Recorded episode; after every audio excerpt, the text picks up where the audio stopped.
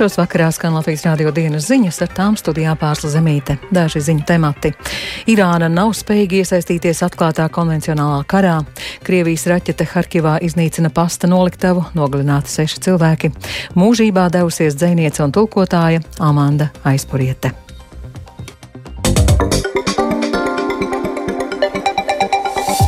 Lai arī Irāna nav tieši iesaistījusies karā, ko Izrēla izvērsa pret Gazas joslā valdošo teroristisko grupējumu Hamas, tomēr gan Izrēlas, gan tās sabiedroto izlūk dienestiem nav šaubu, ka 7. oktobrī sarīkoto uzbrukumu Izrēlai Hamas kaujinieki nespētu īstenot bez Teherāns atbalsta. Tikmēr eksperti vērtē, cik liela varbūtība tam, ka Irāna no Hamas atbalstītājas varētu iesaistīties kara darbībā, turpina Rustam Šukūrovs. ASV Baltā nama Nacionālās drošības padomnieks Džeiks Salivans iepriekš norādījis, ka Vašingtona neizslēdz, ka Irāna varētu tieši iejaukties konfliktā tuvajos austrumos. Tāpat viņš uzsvēra, ka ASV uzrauga gan Teherānas tiešas līdzdalības iespēju, gan netiešas, piemēram, ar kaujinieku grupējumiem Sīrijā vai atbalstot jebkuru Libānas teroristiskā grupējuma Hezbollah lēmumu pievienoties kaujām. Pēc konflikta uzliesmojuma ASV varas iestādes veica sarunas ar Irānu, izmantojot starpnieku saziņas kanālus. Baltais nams brīdinājis Teherānu atturēties no konflikta eskalācijas un iesaistas konfrontācijā. Starptautiskajā sabiedrībā pieaugot bažām, ka Izraēlas karš pret Hamas varētu pāraukt bīstamā reģionālā konfliktā, ASV nosūtīja Izraēlas virzienā divus karakuģus, tostarp pasaulē lielāko. Tikmēr Izraēlas pētniecības centra Alma pārstāvis Aleks Grunbergs intervijā telekanālam Current Time pauda, ka ASV karakuģu nosūtīšana Izraēlas virzienā nebūtu nenozīmē, ka pastāv reāla varbūtība, ka Irāna tieši varētu iejaukties konfliktā. Pēc Grimberga domām ASV karakuģu iesaiste ir nepieciešama, lai palīdzētu Izrēlai atvairīt iespējamos uzbrukumus no plaši Irānas atbalstīta kaujinieku tīkla Libānā, Irākā un citviet. Lai samazinātu postījumus un jo īpaši notriektu raķetes un dronus, kas varētu būt palaisti Izraēlas virzienā. Tam ir nepieciešams amerikāņu atbalsts. Vienkārši tāpēc, ka ASV ir krietni lielāka uguns jauda года. Tas dos laiku un lielākas manevrēšanas spējas Izraels spēkiem, īpaši artērijai un lidmašīnām, ja būtiskas militārās operācijas izplatīsies divās vai pat vairākās frontēs. Greenbergs intervijā arī atzīmēja, ka pēc viņa domām Irāna nav spējīga iesaistīties atklātā konvencionālā karā. Irāna militāri ir ļoti vāja valsts. Irānai praktiski nav konvencionālo bruņoto spēku. Tā nav normālas aviācijas. Viss Irānas spēks balstās tieši uz to, kā saka, asimetrisko spēku. Tās pakļautībā esošiem grupējumiem, piemēram, Hezbollah, droniem un raķetēm. Irāna var uzdrīkstēties eskalēt pret Ameriku un Izraēlu tieši tāpēc, ka Irānas režīms ir pārliecināts par savu drošību jo tas to dara nevis tieši, bet gan netieši ar šādu grupējumu starpniecību. Izraēlas pētniecības centra pārstāvis arī norādīja, ka neskatoties uz to, ka Teherāna nemitīgi cenšas nostiprināt savu ietekmi tuvo austrumu reģionā, tā savus plānus neīsteno iesaistoties okupācijas karagājienos. Irāna mēģina nodrošināt, lai visās reģiona valstīs būtu kaut kādi tai pakļauti bruņotie grupējumi, kas bojātu šīm valstīm dzīvi, uzsvēra Grinbergs. Rustams Šukurovs, Latvijas Rādio. Gazas joslā gandrīz vairs nav pārtikas un droša dzeramā ūdens, un situācija ir ļoti smaga. Tā ziņo apvienoto nāciju organizācija. Šodien Gazas joslā no Ēģiptes caur Rafāhas robežas ķersošanas punktu iebraucis otrais konvojs ar humāno palīdzību, medikamentiem un pārtiku. Ēģiptes televīzija ziņoja, ka Gazas joslā šodien iebraukušas 17 kravas mašīnas. Vakar robežu šķērsoja pirmās 20 kravas mašīnas. ANO norāda, ka Gazai ikdiena būtu nepieciešamas vismaz 100 kravas mašīnas ar humāno palīdzību.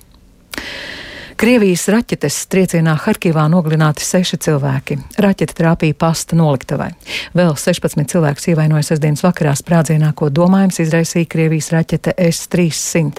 To paziņoja Harkivas apgabala administrācija.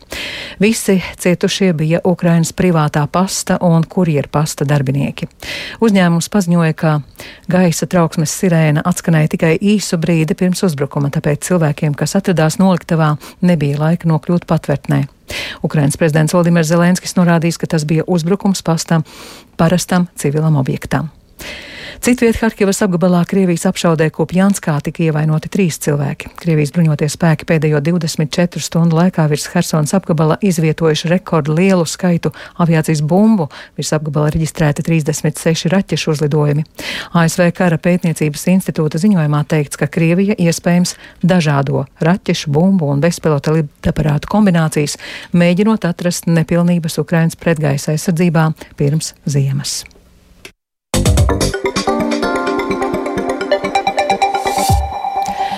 Šodien no Alūksnes uz Ukrainu dodas kārtējais autokonvojs, lai Ukrainas armijai nogādātu vairākus transporta līdzekļus. Šis ir kārtējais alūksniešu brauciens uz Ukrainu. Brauciens sadarbībā ar Alūksnes un Apes novada fondu organizē alūksnietis Pāvels Čornīs, bet, lai savāktu ziedojumus džipu iegādēji, notikušas vairākas labdarības akcijas. Labdarības akcijas organizēt palīdz arī Alūksnes novadā dzīvojošie Ukraiņi. Plašāk vidzemes korespondentes Guntas Matisonas ierakstā. Pāvils reiz atnāca uz fondu, nostājās pie tā loga un teica, nu, vajadzētu savākt mašīnai naudu. Alūksnes un apsnoda fonda valdes priekšsādātāja Dzintra Zvejniece stāsta, ka sākumā nav bijusi pārliecināta, vai izdosies īstenot Pāvila ideju. Un es kā tā kā vecāka kundzīte sapratu, ka, nu, laikam, nevarēsim mēs to savākt labi, ka es to nepateicu skaļi. Un tad nāca tā, ka Ukrainas cilvēki, mūsu cilvēki, vārīja boršķu. Tās akcijas ideja bija, ka mēs uzaicinām Ukraiņus, kuri ir atbraukuši bēgļi pie mums, un kopīgi uzvāram boršu, un boršu par ziedojumiem iemainam pret džipu. Vānīša stacijā pa ziedojumiem 3000 eiro bija pa divām stundām. Un iegādājāmies to pirmo džipu. Tā mums pirmā akcija saucās Boršs par džipu. Tā tas pamazām aizgāja. Un, lai savāktu līdzekļus šiem auto, kā stāsta Dzintra Zvejniece, bija jau arī citas labdarības akcijas. Nākošais bija labdarības akcija Džips par alu, alus par džipu vai otrādies. Pārdeva alu, bet aicināja ziedot džipam. Nu, tad divos naktī otram džipam jau bija savākts. Piemēram, vasarā bija ļoti karsts laiks. Šeit ir dziņa trešdienās. Mēs izliekam augsta limonādi, blakus nolikta mašīna, jau nokrāsota, jau dzīšanai uz Ukrajinu. Pusstundu 400 eiro. Mēs tik lejam augstu limonādi un visi tik ziedo naudu. Drīz vedam piecas mašīnas, kopumā būs 20. Mūsu tāds racionālais uzdevums ir izdarīt visu, lai Ukraiņa uzvarētu, lai mums nav jāpieredz šīs šausmas, kas notiek tur šobrīd. Un šie auto, kas tagad no Lūksnes dodas ceļā uz Ukrajinu, protams, nebūs jau pēdējie. Gunta Matisona Latvijas Rādio vidzemē. Sadalītas desmitā Rīgas starptautiskā kinofestivāla balvas. Galveno balvu zelta gaili saņēmusi Soma režisores Tijas Kouas filmā Ģimenes laiks. Šodien festivāls noslēdz savu 11 dienu maratonu, un pirmie dati liecina, ka savu desmitās jubilejas reizi tas aizvadīs īpaši veiksmīgi, par ko liels gandarījums radošajai direktorai Sonorai Brokai. Ļoti, ļoti patīkams pārsteigums. Man pat šķiet, ka šis laikam būs visapmeklētākais gads festivāla vēsturē. Patiesi ir tā sajūta, ka šis gads ir nevis vienkārši atgriezies tajā ierastajā, bet pat vairāk, ka cilvēki tiešām ļoti izbauda to iespēju nākt uz kinoteātri, nākt skatīties kino klātienē. Un, lai arī visapkārt notikumi nav mazāk satraucoši, nebūtu, ne, tomēr varbūt mēs esam pieraduši dzīvot ar tādu fonu un vienkārši aptvert to, ka šobrīd šeit tiek izrādīts izcils kino, un viņi izmantos iespēju nāks uz kinoteātru, satiksies, kopīgi pavadīs vakars, un tā ir ļoti, ļoti silta sajūta. Rīgas starptautiskā kinofestivāla desmitās sezonas svinības turpinās līdz pat šodienas vakaram. Tiek izrādīti starptautiski atzīti un godalgoti kino darbi. Daļu festivāla filmu līdz šodienas pusnaktī var baudīt festivāla tiešsaistes platformā. Šodien uzzinājām sērvēsti. Vakar nakti 67 gadu vecumā mūžībā devusies dzēniece un tulkotāja Amanda Aizpuriete. Par to Facebook profilā vēsta rakstnieku savienības vadītājs Arno Junze. Amanda Aizpurieta dzējā ienāca pagājušā gadsimta 70. gadu vidū. Viņai klajā nākuši desmit dzējoļu krājumi, kā arī romāns. Viņa bijusi arī ļoti ražīga tulkotāja un atzījotāja no angļu, vācu un krievu valodas. Viņa bija īsta dzēniece šī vārda visplašākajā nozīmē, tā par Amandu aizpurieti saka dzēnieks Edvīns Raups. Ko var pateikt par Amandu? Nu, viņa ir īsta dzēniece, bija jau jāsaka gan dzīvē, gan dzējā. Un par Amandu droši var teikt, ka viņas mūžs bija tiešām traģisks. Droši vien bija arī rozes, bet, nu, ērkšķains. Ļoti. Un tieši komandas sakarā droši vien var teikt, ka ja kādam ir kāds romantisks priekšstats par spožu liriku un traku bohēmu, tad Amanda noteikti to simbolizē, jo vienkārši brīnišķīgi dzēniec. Savu dzēju viņa Ališa skaitīja no galvas, un man likās vienmēr, ka tas ir gaiss, ko viņa elpo. Viņa skaitīja savu dzēju kā gaiss, ko viņa elpo. Jā, un droši vien tā arī bija.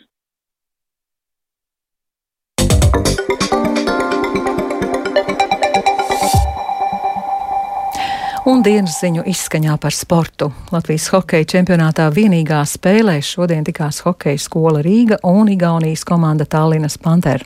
Abas komandas vakar attiecības jau noskaidroja, bet šodien atbildes ar upe Igauņi. Un par spēli stāsta Lotārs Zariņš.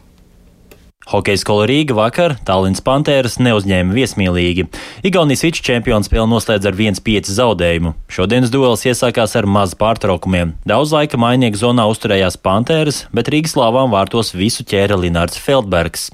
Nepilnas sešas minūtes pirms trešdaļas beigām pēc neveiksmīga pieskāriena ar nūju Ripsavos vārtos raidīja rīdznieki. Citā uzbrukumā veiksme šoreiz bija mainieku pusē. Pēc Vladislava Konševa piespēles Rodions Boltramovičs izlīdzināja rezultātu 1-1. Spēli komentē HS Rīga vārtvīrs Linārds Feldbergs. Jā, man bija daudz darba, bet mums vairāk pieklipoja uz pie metieniem. Manuprāt, mēs ļoti pirmā periodā ļoti maz uzmetām. Vai mēs izgājām bišķīt negatīvi, vai arī no vakardienas varbūt neatjauninājāmies līdz galam. Kur vakardien tas spēks bija? Tallinā bija sagrušāk, vai jūs bijāt arī gatavāki? Un, manuprāt, bija vairāk tāds lielāks tāds komandas gars. Varbūt nebija, nu, bija tāds atmosfēra, bija skaļāka, manuprāt. Un tādēļ arī likās, ka mēs bijām gatavāki, mums bija enerģija mūsu iekšā un dega acis. Mm. Liesmiņa dega acīs. Jā. Otrajā periodā HS Rīga bija iespēja spēlēt lielajā vairākumā, mainieki to neizmantoja. Trešajā periodā ar diviem vārtiem vairākumā Tallinas salauza Rīgas spēku. Spēlē beigās zaudējums ar 1-4. Šodien spēli raksturoja Tallinas komandas uzbrucējs ar latviešu saknēm Daniels Fursa. Šodien viss bija saņēmās ar, ar ātrumiem un uh, turēja to ripu, tāpēc arī tas sākums bija bijis labāks un tā spēle pamainījās. Es dzimu Igaunijā, jā, bet manā uh, māma apprecējās ar Latviju, un tāpēc es sāku zemgalē. Pēc tam es gāju uz klases. Bija. bija tā, ka es atbraucu, un neviens nerunāja krieviski, vajadzēja kaut kādā veidā saprast. Un, uh, es, es domāju, pa sešiem, pa astoņiem mēnešiem vienkārši iemācījos latviešu valodu. Nebija variantu, tāpēc vajadzēja. Vienīgā Igaunijas komanda papildinot Latvijas čempionātu šo sezonu turnīram likus mainīt nosaukumu uz Baltijas līgu. Igauni līdz šim bija izcīnījuši uzvaras pret šodienas pretinieku, kā arī Mogona prizma vienībām. Mums ir eh, diezgan daudz spēlētāju, kur var uh, iemest gols. Ja mēs uh, spēlējam no aizsardzības, tad, tad mums viss kārtībā.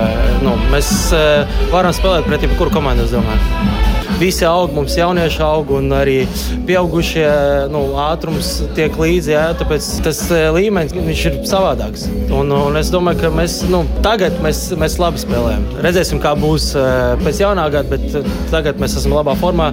Arī visi spēlētāji labi gatavojas nu, pavasarī. Tad viss, nu, viss kārtībā pagaidām. Lai gan vienāds punktu skaits, HS Rīga turnīra tabulā tāpat apsteidz Tallinas Pantēra vienību, ieņemot piekto pozīciju, jo vārtus savstarpējā spēlēs rīdznieki tomēr ir guvuši vairāk. Lotārs Zariņš, Latvijas radio.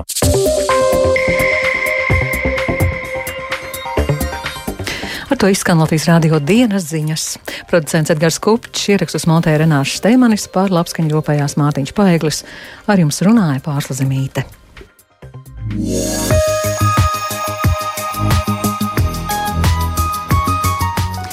Latvijas vides geoloģijas un meteoroloģijas centrs vēsta Rīgā pat laban 8 grādi, dienvidaustrum vējš 2 m2. Atmosfēras spiediens 760 mm, gaisa relatīvais mitrums 93%. Latvijā būs lielākoties mākoņains laiks, naktī galvenokārt dienvidu austrumu rajonos, bet dienā vietām lietus, naktī vietām bieza migla. Vējš lēns 2,5 m2. Gaisa temperatūra naktī 3,7 grādi, ziemeļa austrumu rajonos 1,2 grādi, dienā 7,11, bet valsts austrumu rajonos 3,5. 7 grādi. Rīgā lielākoties mākoņains bez būtiskiem nokrišņiem, lēns vējš, gaisa temperatūra naktī 5,7, dienā 8,9 grādi. Laiktips otrais - labvēlīgs.